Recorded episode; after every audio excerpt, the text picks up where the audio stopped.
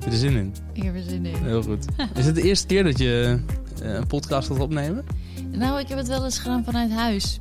Met een hele slechte geluidskwaliteit. Dus dit is de eerste keer eh, met zo'n goede microfoon Kijk. en eh, face-to-face. zeg Nou, maar. heel goed. Nou ja, over vanuit huis gesproken. Want, vertel even wie je bent en hoe je bent begonnen.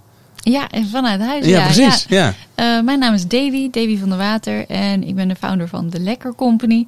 En ik ben begonnen als lekker in een potje. En dat is inderdaad aan mijn keukentafel begonnen. ja. En dat is een cosmetica-lijn. eh, begonnen met een aantal beslagkommen eigenlijk. En met ingrediënten die ik letterlijk uit mijn keukenkastjes trok. Dus het ging om eh, kokosolie, koffie, havermout. eh, dat was een beetje het begin. En wat van maakte je daarmee? Scrubs, eh, lippenbalsems, bodybutters. en uiteindelijk de hit Deo. De hit Deo, ja? De hit Deo, dus zo noem ik het maar Oké, even. nou daar komen we zo op terug. Eerst nog even terug naar die eh, beslagkommen en eh, scrubs die je vanuit huis maakte met zout en, en, en van alles. Waarom deed je dat? Wat maakte? Want ik heb nog nooit gehad dat ik in de keuken zat en denk, nou wat heb ik? En laat ik eens kijken of ik daar een scrub van kan maken. Nee, dat snap ik. Nee, het kwam eigenlijk... Ik heb een vegan challenge gedaan samen met mijn broer. Dat is inmiddels alweer 8,5 jaar geleden. Eh, en als je zo'n vegan challenge doet, moet je dus 30 dagen veganistisch eten. Nou, dan loop je door de supermarkt je, en je trekt een keer een eh, zak chips uit het schap. En dan kom je erachter, er zit melk in paprika chips. Nou, zo begint het een beetje, dat je een beetje steeds denkt... oh, ah, jammer, hier ook weer in. Oh ja. Maar goed, dan is je shampoo of je tandpasta op, sta je voor het cosmetica-schap en dan kom je erachter dat je die hele etiketten niet kan lezen. Eh, dus zeker in die tijd, hè, want nu staat er best wel vaak eh, wel of niet vegan eh, op een verpakking, maar zeker toen helemaal niet. Eh, dus na heel veel googlen kwam ik erachter wat dus een beetje de norm is voor cosmetica. En de norm is helaas dus heel veel dierlijke ingrediënten eh, die je als leek dus niet kan lezen vanaf de verpakking. Maar dus ook in simpele dingen als tandpasta, Ja, eh body scrub, body butter, dat soort zaken. Dus Ja. allemaal, oké, dat wist ik ook niet. En in die tijd had ik heel, heel veel op Pinterest. En toen zag ik eigenlijk heel veel recepten voorbij komen van ja, zeep, scrubs, lippenbalsems. En toen dacht ik, oh dat is leuk, want dit is met dingen waarvan ik wel snap wat het is. Eh, inderdaad, dus eh, scrub van koffie en havermout eh, en dat soort zaken. En daar ben ik een beetje mee gaan spelen, eigenlijk meer voor de hobby. En dacht ik, nou dan weet ik in ieder geval wat er wel in zit. En is het automatisch vegan in mijn geval. En, en nou, er kwamen een paar recepten uit waarvan ik dacht, "Ja, dit werkt zo goed. Hoe, hoe kan het dat iets op basis van zulke pure ingrediënten gewoon beter werkt dan wat ik in de drogist vind? En toen dacht ik, nou, hier ga ik wat mee doen. Nou, 100 eh shampootjes later eh, had ik een Etsy eh, webshop. Ah, je bent op, op eh, Etsy gaan verkopen op een gegeven Ja, moment. Oké. En dit was wanneer? Wel- Welk jaar? Eh Hoe lang geleden? 2014. 2014. Ja. Het grappig, want ik, ik weet nog, wij kennen elkaar denk ik sindsdien dan. Want we hadden toen de Lomanlaan als bedrijf zo samengebouwd. Het, het, wij zaten daar toen met ons internetmarketingbureau. En zijn op een gegeven moment zelf leuke buren gaan zoeken. En daar is uiteindelijk Peperie Pand uit voortgekomen. Waarmee we nu Dot 6 Utrecht eh, runnen.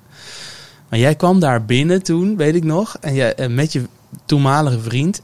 En, eh, en correct me if I'm wrong. Maar jij, volgens mij was het zo dat hij zei... ja of al die, eh, die beslagkommen en spullen en jampotjes en dozen gaan het huis uit.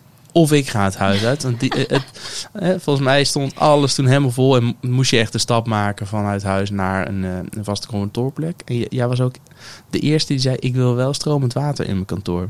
Voor mij dan de eerste. Ja. Dus je bent op een gegeven moment groeide het echt je huis uit. Ja, ik krijg nu wel echt flashbacks van een slaapkamer vol met dozen en weer een levering met shampootjes die dan, ja, we hadden gewoon met wel een klein huisje in Utrecht, dat moest ergens staan. Ehm, dus ja, het was, het was wel echt tijd dat dat een eh, andere plek ging k- krijgen dan eh, de Kon slaapkamer. niet meer. Maar je bent dus gaan verkopen via Etsy. En dat ging Ja. eigenlijk heel erg goed. Nou, nee, eigenlijk helemaal niet. Oh, Nee, oh.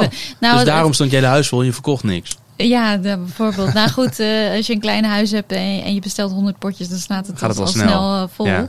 Ehm, maar nee hoor, het heeft echt eh, vier jaar geduurd voordat het echt goed ging lopen. Maar eh, wat, ik lag na het eind van die vier jaar wel in 40 winkeltjes. En, en ik Nee, maakte joh. steeds batches van eh 100 buddy butters tegelijk en dat soort dingen. Maar allemaal nog steeds met de hand in beslag komen. Ja, op het begin waren dat kleine beslagkommen, hè, zoals, je, zoals je een cake bakt, zeg maar. En op een gegeven moment werden dat van die grote emmers.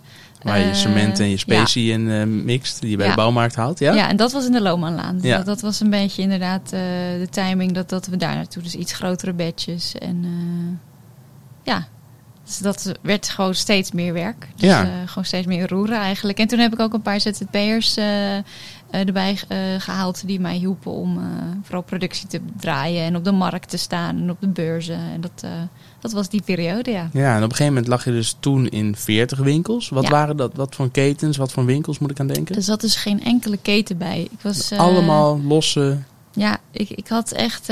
ik dacht gewoon nog helemaal niet als een ondernemer eigenlijk. Want het is gewoon veel sneller en makkelijker om wel aan een keten te leveren dan een elke, elk klein winkeltje binnen te halen. Eh, maar zo dacht ik toen. Ik, dacht, ik, zag het niet eens als een optie om een keten te benaderen.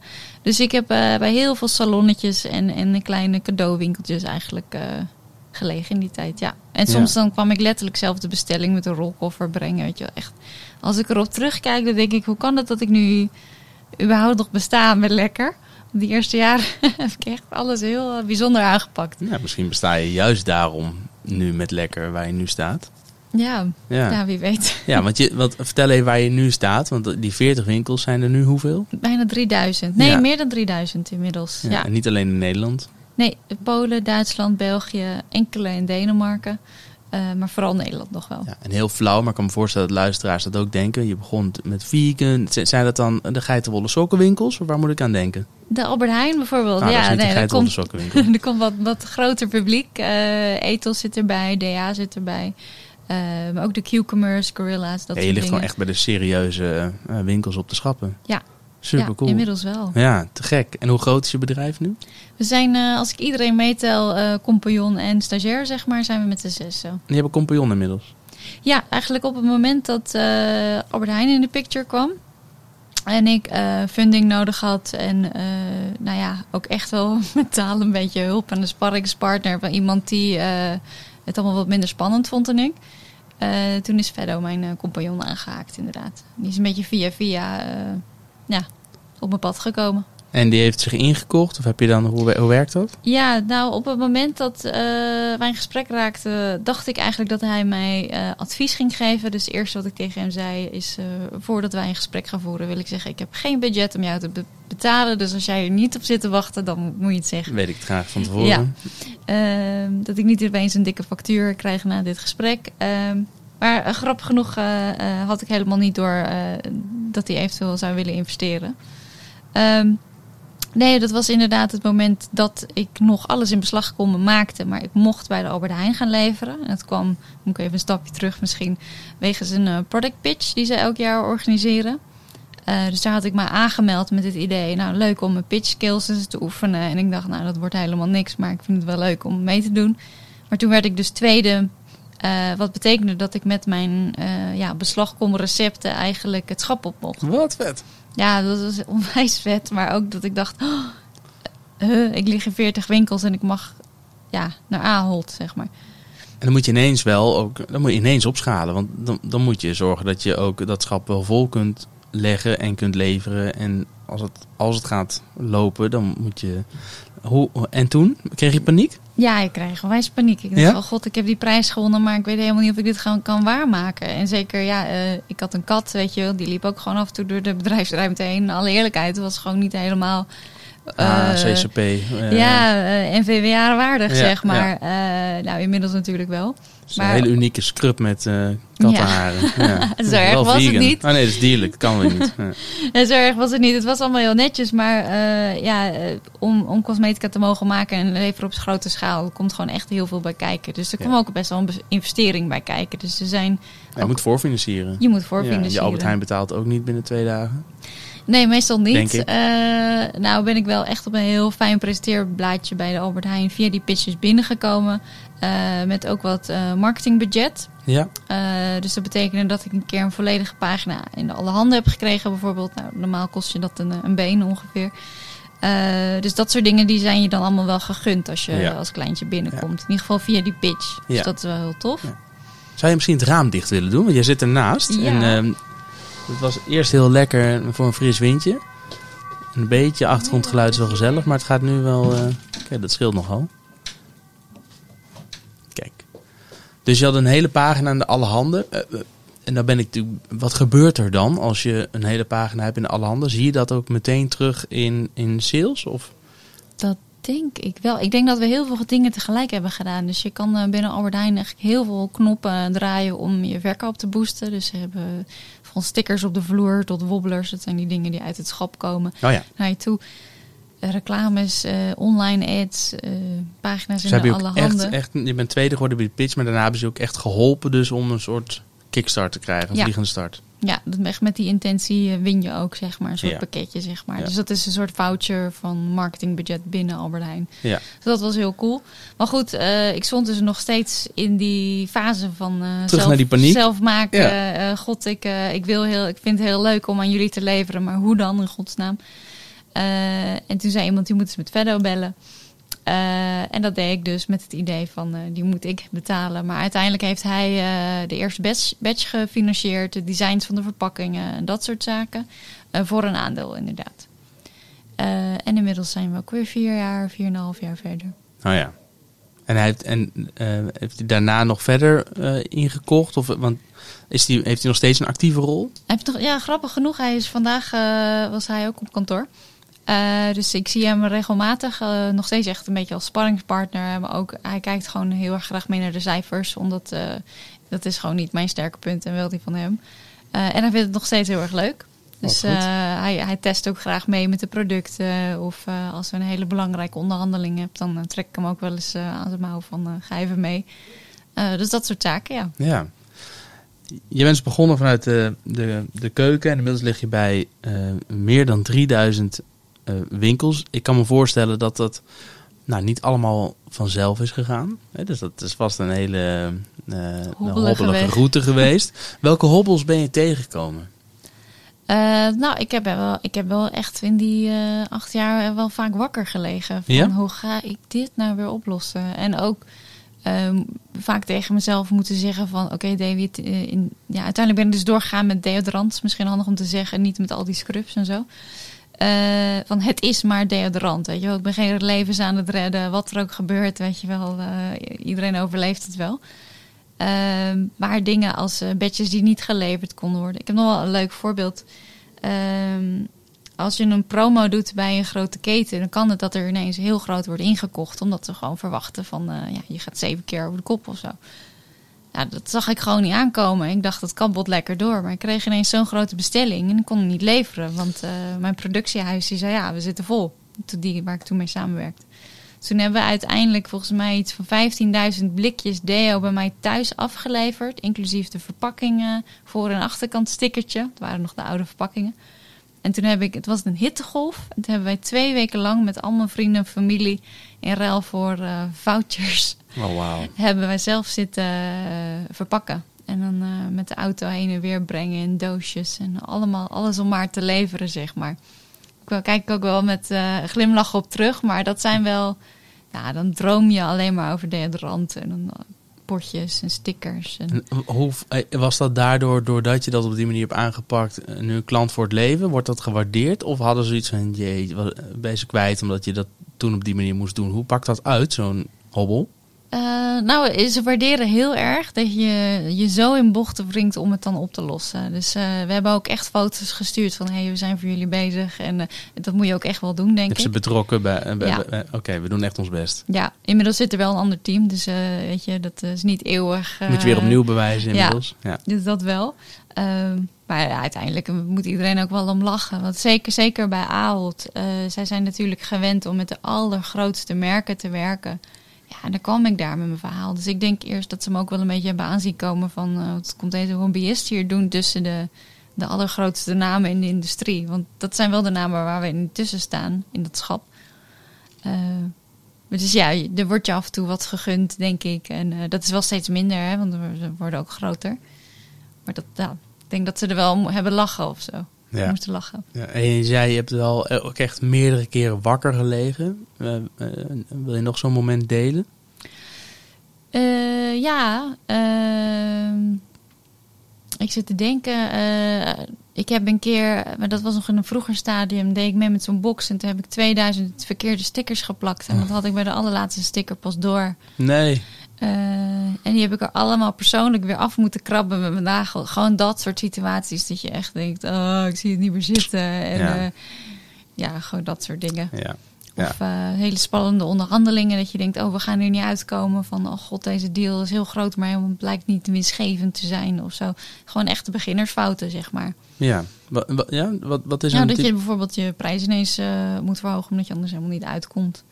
En dat je terug moet naar die onderhandeltafel en zeggen, joh, we hebben nog zo over na, maar het kan helemaal niet. Ja, nou, dat is allemaal wel hele vroege stadia. Dat is allemaal voor Albert Heijn nog. Maar Ja. dat zijn wel dingen dat je denkt... oh god, ik heb hier en hier, hier allemaal niet over nagedacht. Ik doe dit allemaal voor het eerst. Eh, Was dat ook de ja. kaart die je daarbij speelde? Zei je, jongens, sorry, maar dit is voor mij ook allemaal nieuw. En eh, eh, ehm, Ja, ja, ik heb, ik heb nog eens goed doorgerekend. Het kan eigenlijk helemaal niet. ja, nou gelukkig hebben we dat, dat niet nog een keer moeten doen. Of sindsdien in ieder geval. Maar gewoon dat soort dingen. Ja. Ja, Ja, nou ja, goed. Ja, dat hoort erbij. Ehm, eh, denk ik, die hobbels. Maar stel nou, hè, want je hebt dus heel veel geleerd in de tussentijd. Stel nou dat je morgen weer helemaal opnieuw zou moeten beginnen, maar met de kennis van nu. Wat zou je dan anders doen? ik eh, stel dat ik weer eh, een vergelijkbaar product zou moeten neerzetten... zou ik wel kleiner Ja, beginnen. dat moet niet eens. Hè. Je zou gewoon nu weer, je wordt morgen wakker. ehm, en je, wil, je gaat de Lekker Iets Company nieuws. bouwen. Een Ja. lek company Ja, bouwen. wat nou, ik zou met een, een kleine lijn starten. Niet meteen te breed. zodat je daar je focus in kan doen. Eh, maar ik zou ook wel sneller groter denken. Dus als het eenmaal een beetje tractie heeft en, en het heeft bewezen van oké, dit komt niet met helemaal fouten terug en eh, werkt niet of slecht feedback. Als je weet van nou, dit zit gewoon goed. Wel gewoon echt meteen naar de keten stappen. Want ik heb dus heel lang eh, een droom gehad. Dus toen ik die pre-Albert Heijn tijd zeg maar. En dat was Dille Camille. En ik dacht dat dat is echt mijn droomklant. En die heb ik dus vier jaar lang niet gebeld. Want ik dacht, als Oh, ja? zij me afwijzen, dan heb ik geen droom meer. Ah. Nou, dat is natuurlijk echt achterlijk. Ja. Eh, nu liggen we bij Dille Camille, heel leuk. Maar eh, ik heb inmiddels wel geleerd, ja, als je nu een nee krijgt, kan je ieder, in ieder geval vragen, oké, waarom niet? Ja. Eh, wat kunnen we doen? Hoe Om te wordt het een dat het ja? een ja wordt. Ja, precies. En als die persoon het gewoon echt niet tof vindt, ja, meestal na een paar jaar zit er iemand anders op die functie en heb je nog een kans. Dus dingen die ik graag wil, niet aangaan omdat het misschien een nee wordt. Ja, ik heb wel geleerd dat dat echt gewoon niet handig ondernemen is. En, en helpt je, je, je, je compagnon daarbij? Trekt hij je ook af en toe over die streep heen? Of, of hoeft dat inmiddels hoeft niet meer? niet meer. Nee, eigenlijk eh Albert Heijn was natuurlijk honderd keer groter dan, dan hoe ik ooit had gedroomd daarvoor. Eh, en dat heeft me wel de push gegeven van eh, als je dit wil, ge- gewoon proberen en vragen. Niet nu, dan wanneer wel. Of- Nou heb ik eh, toch wel eens mensen gesproken die... ehm, nou, eh, eh, er leeft ook wel de, de, de beleving dat die hele grote partijen, winkels, et cetera, dat die echt helemaal uitknijpen. En dat je, je mag blij zijn als je hier op het schap mag liggen. Hoe ervaar jij dat? Het scheelt wel een beetje per keten. En het scheelt ook wel een beetje wat jouw positie is. En, en dat verandert ook wel langzaam bij ons. Op het begin werd ons wel echt alles gegund. Eh, Het wordt maar- langzaam harder. Ja, eh, ook wel terecht ergens, denk ik. Hè. Eh, en wij liggen ook bij steeds meer ketens. Hè. Dus eh, ja, je merkt eigenlijk wel, eh, en dan heb ik niet over Albert Heijn specifiek hoor, helemaal niet. Maar eh, het scheelt een beetje per cultuur, per keten. Eh, maar er komt ook een hele politiek bij kijken. En dat was voor mij echt compleet nieuw. Eh, Welke politiek is dat? Ja, nou ja, dat je, soms eh, wat andere voorwaarden krijgt als je eh, bij heel veel ketens ligt of, of exclusiviteitsdeals. Eh, en dan heb ik het echt niet over Albert Heijn, dan heb ik het echt over de hele mix. Maar dat was voor mij nieuw. De, de politiek van het retail-landschap. Dat heb ik wel een beetje on the job moeten leren. Van, oh, ja. Waar moeten eh, mensen die luisteren en ook op een gegeven moment bij dit soort ketens willen liggen rekening mee houden? Wat kunnen ze dan verwachten bijvoorbeeld? Nou ja, ook wel een waarschuwing van blijf wel een beetje bij jezelf en wat je zelf als merk wil. Eh, en laat het niet helemaal dicteren omdat je zo onder de indruk bent van, van een retailer, zeg maar. Want eh, ja, die, die hebben misschien de wens dat je, dat je de rest van je leven alleen maar aan hun levert, bijvoorbeeld. Eh, En jij zegt, dan moet je niet meegaan. Nou ja, of, of je moet er wat voor terugkrijgen dat het een interessant deal voor je is. Maar ik, ik hoor soms ondernemers die, die eigenlijk helemaal niks meer durven, zeg maar. Omdat, eh, ja, omdat dat soort verwachtingen wel eens worden uitgesproken, zeg maar. En zeg je dan ook tegen jezelf, joh, uiteindelijk is het maar deo? Ja, ja bijvoorbeeld. En eh waar voor ons dat wel een reden om ook in het buitenland te kijken. En om te kijken van, ja, want je wil ook niet te afhankelijk zijn van bepaalde ketens. Ja. Maar goed, ja, ze kunnen hier ook wel heel veel voor je doen. Dus het is een beetje eh, een wisselwerking. eh, maar ja, iedereen moet er uiteindelijk beter van worden. ja. Toen je begon was je droom, ik wil bij Dilleke liggen. Nou, daar lig je al, al lang en breed in winkels en, eh, en bij Albert Heijn. En nog veel meer ketens, meer dan 3000 in, in verschillende landen. Je gaat als een raket. Wat is nu je droom? Uh, want nou zit ik wel weer een beetje op de verbreding van de lijn. Dus uh, we hebben nu deo en zonnebrand. En ik zou eigenlijk uh, ook echt ja, plantaardige haarzepen, zeepen, bodyproducten. Dat, dat had je ja, dus in het begin ook. En Ja. dat wil je er weer bij gaan doen. Ja, ik wil eigenlijk echt wel eh, voor je bij de complete badkamerroutine wel eh, wat gaan neerzetten. Ja. Niet alles, niet elke categorie vind ik even, even interessant. Eh, maar ja, wel het gros eh, iets leuks kunnen gaan aanbieden. Ja. En je zei, ik zou het als ik het nu helemaal opnieuw moest doen, dan zou ik ehm, eh, meteen al veel meer focus in het begin. Dus niet van allerlei verschillende producten doen. Ehm, dus dan zou je met de kennis van nu waarschijnlijk meteen inzetten op deo. Maar toch ga je dan nu wel weer verbreden. Waarom, waarom laat je dat dan nu eigenlijk weer los? Omdat dit dan gewoon al staat. eh, Ja, omdat ik niet meer eh, in de kinderschoenen sta, denk ik. Ik denk voor de, voor de eerste stap om meteen heel breed uit te zetten. Eh, als je dan niet wil veranderen hè, in je verpakking of in je branding of zo, dan moet je dat meteen over een hele lijst gaan doen. Eh, maar, maar nu, ja, we Ja. hebben nu wel een beetje uitgevonden wat werkt voor ons eh, en bij ons merk. Dus we kunnen daar nu wel op voorbouwen. Maar ik zou niet volgend jaar 30 producten lanceren. Nee. Dat niet. Nee, ik zou wel el- elk product een momentje willen geven. Ook om weer te testen. Want elk productcategorie is ook weer een soort kleine onderneming aan zich. Ja. ja, jullie gaan ook echt wel langs. Hè? Wij kwamen elkaar laatst ook tegen. Dan kom je, loop je hier gewoon over de campus heen met drie geuren. Ja. En dan laat je mensen gewoon ruiken. En, en, en dan haal je echt gewoon feedback op bij, ja, bij mensen. Ehm, doe je dat met alle producten? Ja, zeker.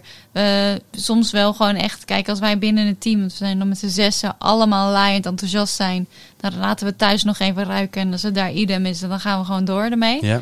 Maar als er weer veel twijfel is, dan, eh, dan willen we het nog echt heel veel handen en neuzen door laten gaan. En als het dan niet is, dan doen we het ook gewoon Nee. niet. Welke geur eh, is, is het meest populair? Van onze huidige deo's, eh, ik denk de mandarijn citroen. Oh ja. Die gaat hard. Maar ook de peper met rozemarijn gaat heel hard. En we hebben net dus de Woodlands, een beetje een houtachtige geur. Die vind ik Eh, lekker. Ja, Dat is het groene, donkergroene potje. donkergroen. Ik krijg ook hele leuke reacties op. Dus ik Ja. ben benieuwd of die ze nog gaat inhalen of niet. Wat heb je op dit moment nodig als ondernemer? En waar zou je mee geholpen zijn? Eh, wat wij nu nodig zouden hebben, is denk ik goede distributiepartners eh voor de UK en voor de dagregio. Eh, en dan niet alleen eh, de logistieke oplossing, maar eigenlijk ook eh, ehm, zorgen dat het goed loopt en dat je eigenlijk daar de grote kanalen in komt.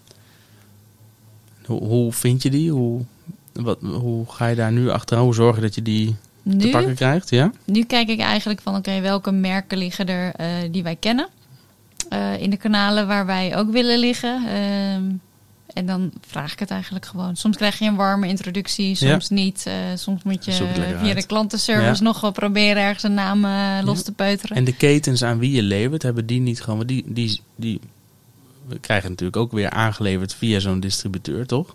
Ja, dat, dat helpt soms ook inderdaad. Eh, ja, soms zijn ze niet allemaal even transparant over waar alles, welke routes alles loopt.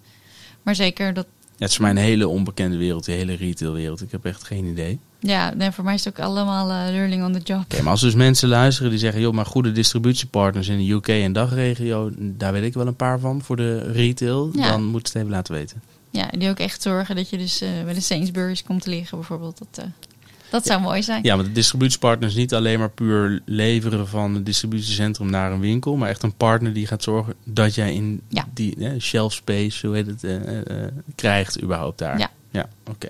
Oké. Ehm, hoe oud ben jij nu, mag ik dat vragen? Ja, dat mag je vragen. Ik ben eh 32. 32. Wat heb jij aan eigenschappen van huis uit meegekregen die je nu helpen in ehm, jouw route als ondernemer?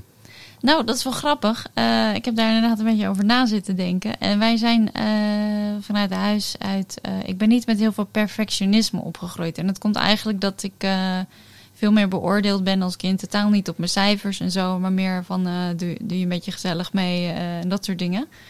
Ehm, en daardoor ben ik nooit een perfectionist geworden. Dus heb ik, ik meld me af en toe aan en dan kijk ik later wel hoe ik het allemaal ga invullen. Maar dat betekent dat ik dus niet wacht tot iets perfect is voordat ik me aanmeld. Ehm, Done is better than perfect. Ja, en ik denk dat dat me heel erg heeft geholpen. Want eh, perfectionisme vertraagt enorm, denk ik, uh, Ja, dus, in dus, het ondernemen. dus gewoon gaan doen en beginnen en accepteren dat het niet perfect hoeft te zijn om het al te doen.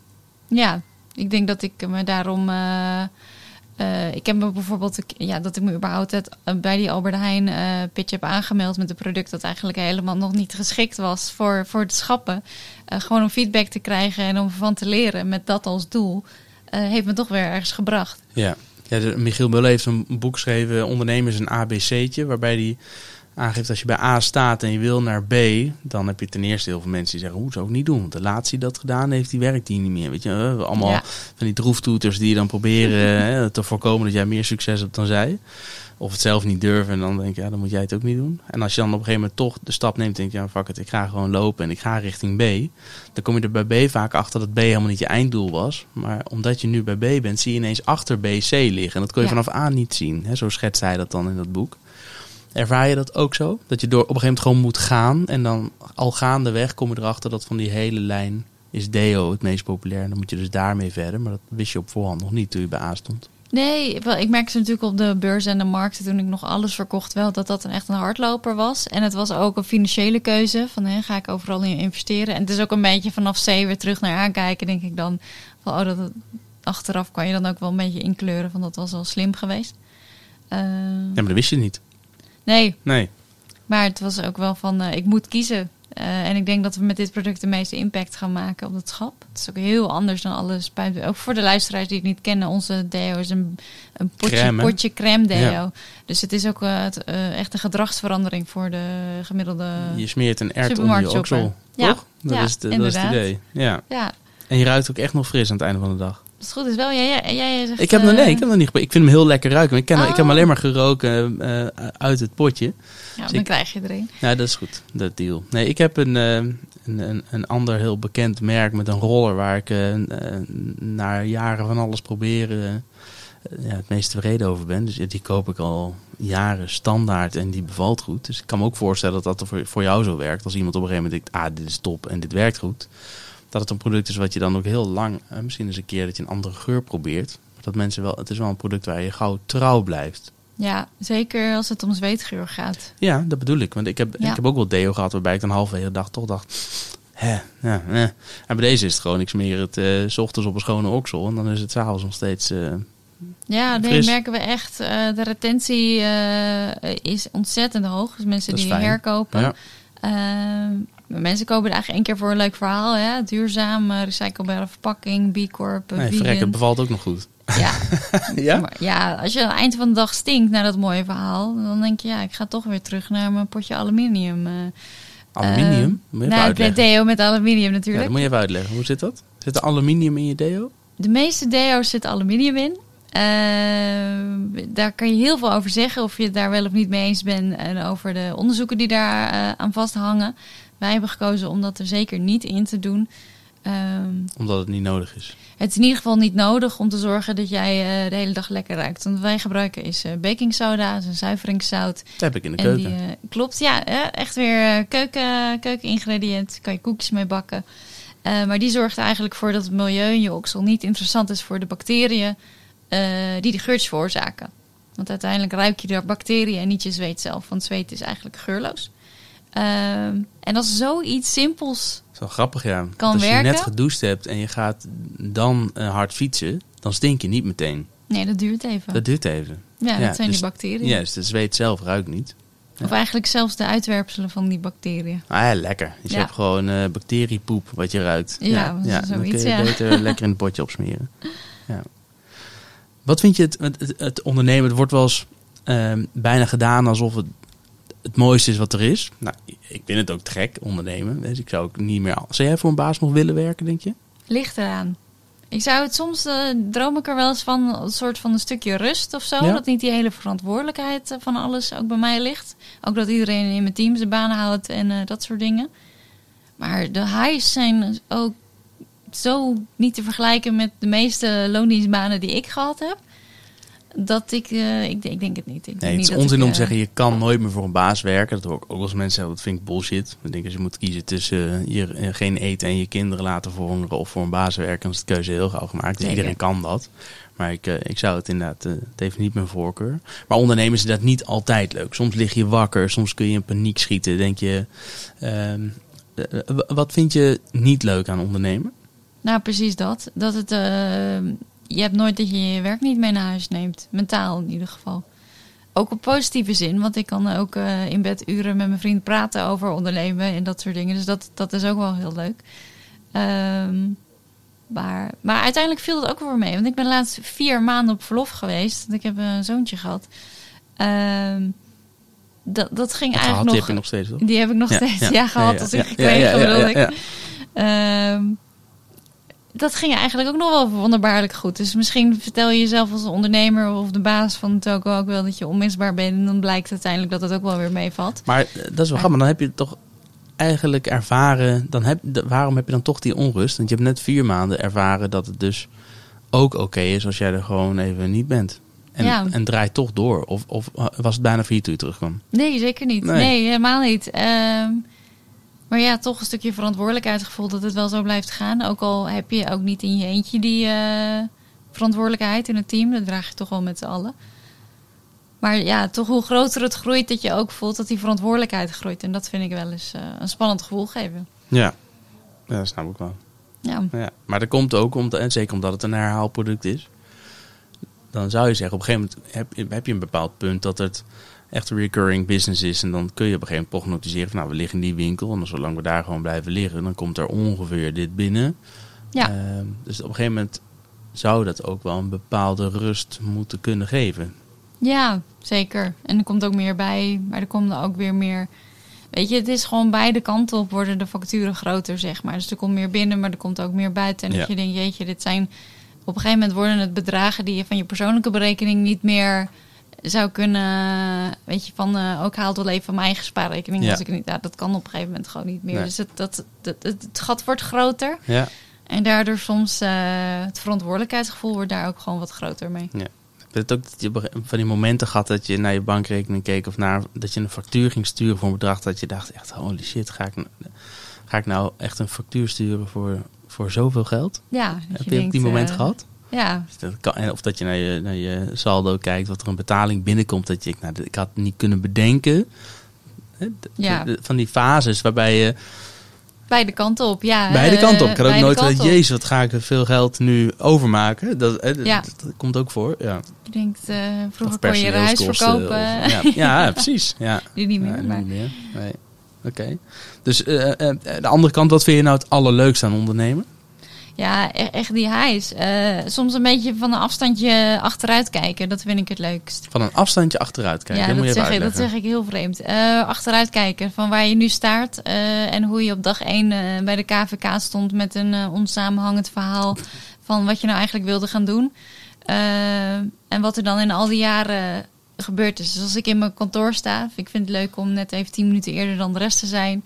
Om even rustig koffie te zetten, maar ook even om me heen te kijken. En je denkt, alles is over nagedacht. Eh, alles is gemaakt, gekocht, bij elkaar eh, georganiseerd. Eh, dat, dat is wel leuk, hoeveel werk overal in zit om dat af en toe tot je te nemen als je dan om je heen kijkt. Ja, dus je staat wel bewust bij stil, ook bij wat je bereikt hebt. Ehm, en je bent er wel trots op. Ja, Ja, heel goed. soms wel. Soms. Ja, meestal wel hoor. Nee, maar soms moet ik dat ook even doen. Want je hebt als ondernemer en ik denk sowieso als mens...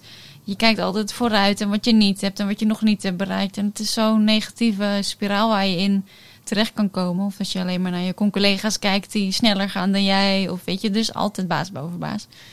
En eh, het is ook gewoon kick om af en toe terug te kijken of merken van... hé, hey, eh, kijk om me heen. Mijn ene collega is in het Duitse gesprek aan het voeren namens ons... wat ik niet eens kan volgen. Die is met de logistiek bezig. Die is een hele vette nieuwsbrief aan het maken. En het loopt allemaal maar door. En dat, dat vind ik wel tof.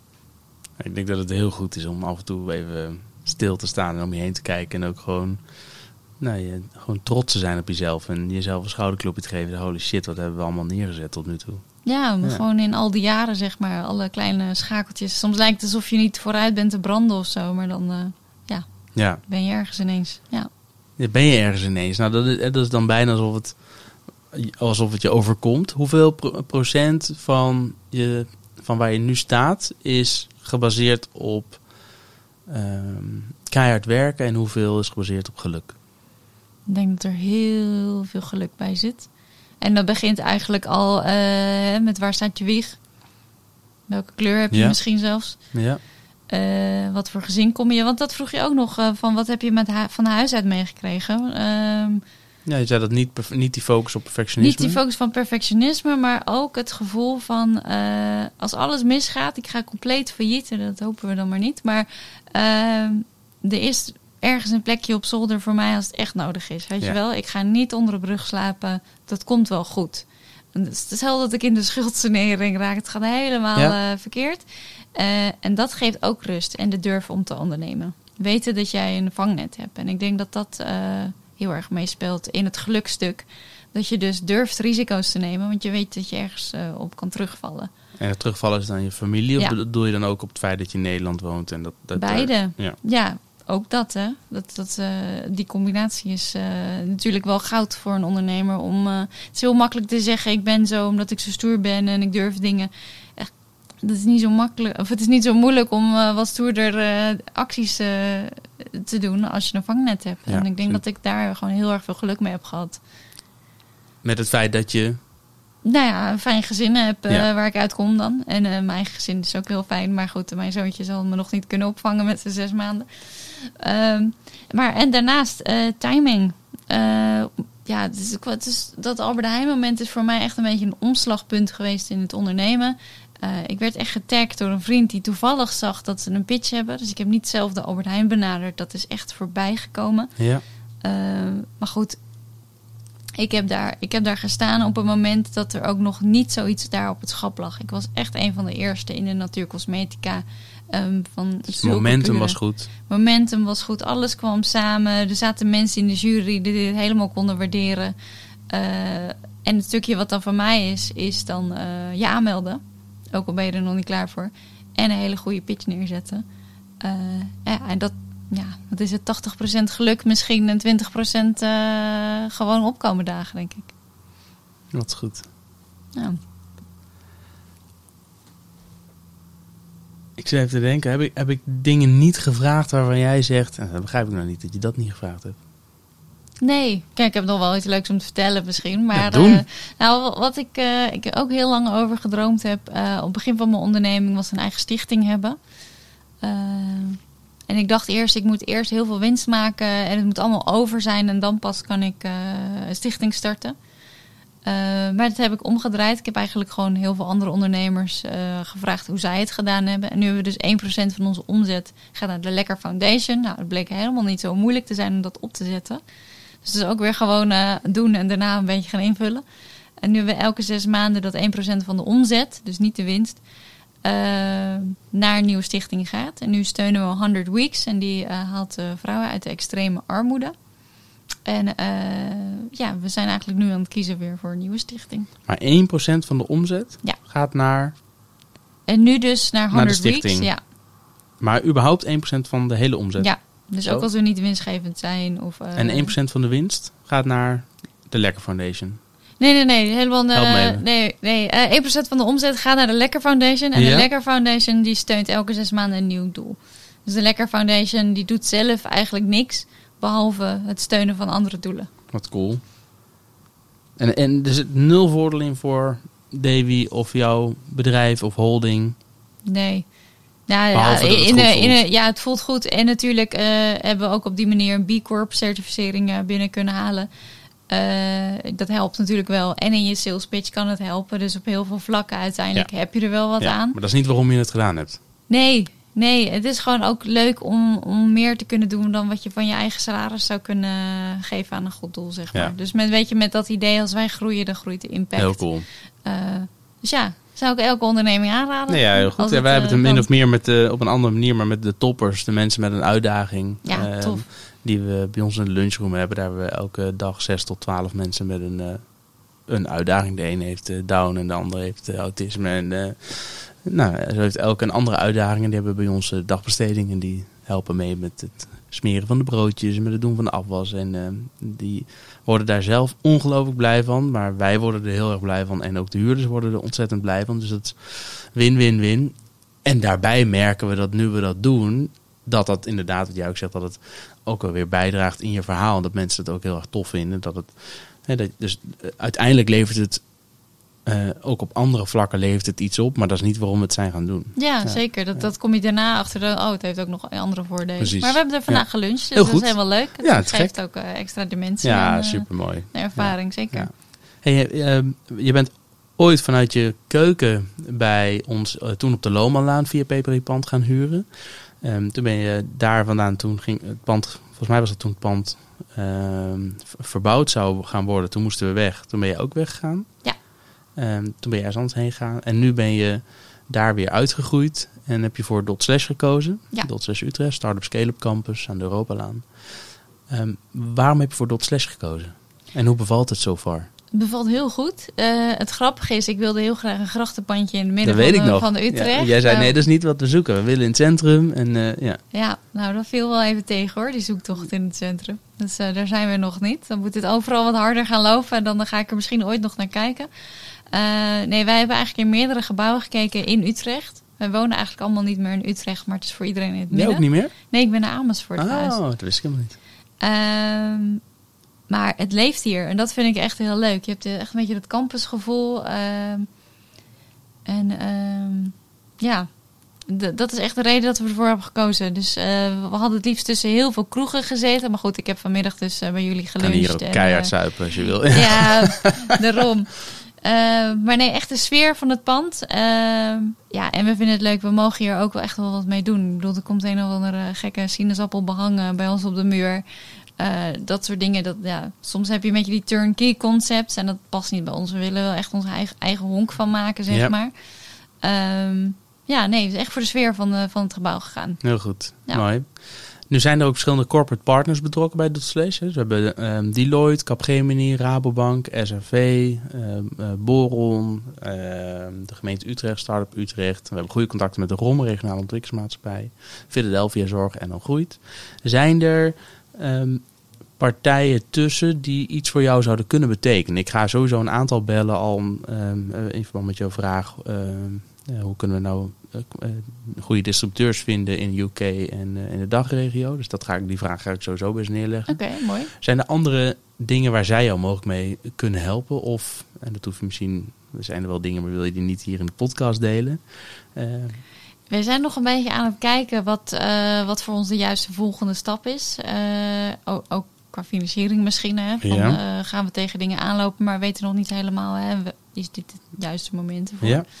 Maar, Maar- Rabobank is bijvoorbeeld ook een van de corporate partners. En die hebben weer verschillende... eh, Mensen denken altijd, bankier, banken die kun je vergeten. Maar dat is, dat is niet terecht. Rabobank heeft heel start-up scale-up eh, hoe zeg je dat? Eh, afdeling. Met allemaal mensen die juist kijken naar financieringsmogelijkheden. Bankair voor start-ups en scale-ups. Ja, zeker. Ja, het, eh, waar ik wel voor wil waken bij Lekker is niet ehm, wat, wat, wat ik soms bij ondernemers zie. En dat is heel logisch, eh, is financiering binnenhalen om het Omdat financiering binnen Ja. te halen. Ja. Omdat je gewoon helemaal blij wordt van, het, van je eigenlijk je eigen ego die miljoenen wil binnenhalen. Je moet wel een Ehm, doel hebben. Ja, Ja. je moet een heel duidelijk plan hebben van hier gaan we het voor gebruiken. En waar ik ook voor wil waken is die 80-urige werkweek die soms misschien erbij komt kijken als je ja zegt tegen dat soort dingen. eh, Bepaalde samenwerkingen. Dus eh, misschien dat we wel die kant op gaan. Ik weet, ik weet het echt nog niet. Eh, wat voor ons de juiste route is. Want wij werken allemaal vier dagen in de week. Ja. En dat is ook wel wat ik zou willen blijven doen met Ja. het team. Nou, ik ga sowieso eens met jou goedkeuren koffiedate plannen met eh, mensen van de Rabobank van dat team en ook van Deloitte. Want die kunnen in elk geval vrijblijvend eens met je meedenken over joh, waar sta je nu en wat zou dan een logische volgende stap kunnen zijn. Waarbij ook Deloitte bijvoorbeeld kan meedenken in joh, eh, waarderingen, welke financieringsmogelijkheden zijn er. Dus eh, ehm, een kopje koffie is snel gepland. Ja, nou, En de. ROM natuurlijk ook. De, Ja, nou de- grappig. mijn collega komt van Deloitte. Ah. Die eh, heeft zijn hele corporate carrière voor de start-up wereld eh Oh, wat goed. Eh, nou, ja, kijk. kijk. wel leuk. Heel goed. Verstandige keuze. Ja, volgens mij wel, ja. Moet je even een pinkertje sturen, Daan. Heel als goed. het goed is, dus die heb ik. Hey, de, de, je hebt nu de, de luisteraars en de- ook de- je buren laten weten waar jij behoefte aan hebt. Waar zou jij de andere start-ups op de campus mee kunnen helpen? Nou, daar voor mij eh, alle learnings die ik heb gehaald van eh, hobbyproject naar eh, ja, het retaillandschap eigenlijk. Ja, waar je in kan denken, aan kan denken bij je pitchen, de sales richting dat soort kanalen. Ik denk dat ik daar misschien echt wel wat lessen in geleerd heb en ook een hoop fouten in heb gemaakt die ik misschien een ander voor kan behoeden. Ja? Dus daar, maar, daarvoor mag je me altijd aan mijn jas trekken. En dat hebben we natuurlijk vorige week al even met, eh, we met iemand gelinkt hier Ja. die ook heel graag eh, nog meer retail eh, eh, wil bestieren. Dus nou, super mooi dat je daar ook eh, tijd voor wil inruimen om die mensen weer verder te helpen. Ja, natuurlijk. Hey, eh, Davy, eh, onwijs bedankt voor je tijd en voor het delen van je verhaal. Ik vind het echt, het is zo'n typisch, nou het is niet vanuit de garage, maar wel vanuit de keuken. Het is zo'n Ja. typisch ondernemersverhaal met gewoon gaan doen en eigenlijk begonnen met een hobby. Wat uit de klauw is Ja, gelopen. en naar- 200 euro, ja. met een hobby en 200 euro. Ja. En, ehm, en, en eh, eh, welke range moeten we nu aan denken? Omzet? We hopen de miljoen te gaan doorbreken, maar ik weet eh, nog niet zeker of het gaat lukken. Maar Ja. dat, zouden we wel, dat is wel een beetje het doel voor dit jaar. Nou, mijn opa zei altijd, hopen doe je op het toilet. Ik moet het gewoon gaan regelen. Ik doe mijn best. Heel goed. Hey Davy, dankjewel. Dankjewel.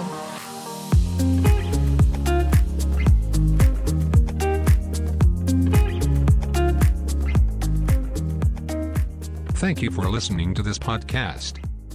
To avoid copyright claims, here are the music credits. Over you at https soundcloud.com at music. Creative Commons Attribution 3.0 Unported CC by 3.0. Free download stream http bit.ly over you. Music promoted by Audio Library https uta.brlbuflkhsk.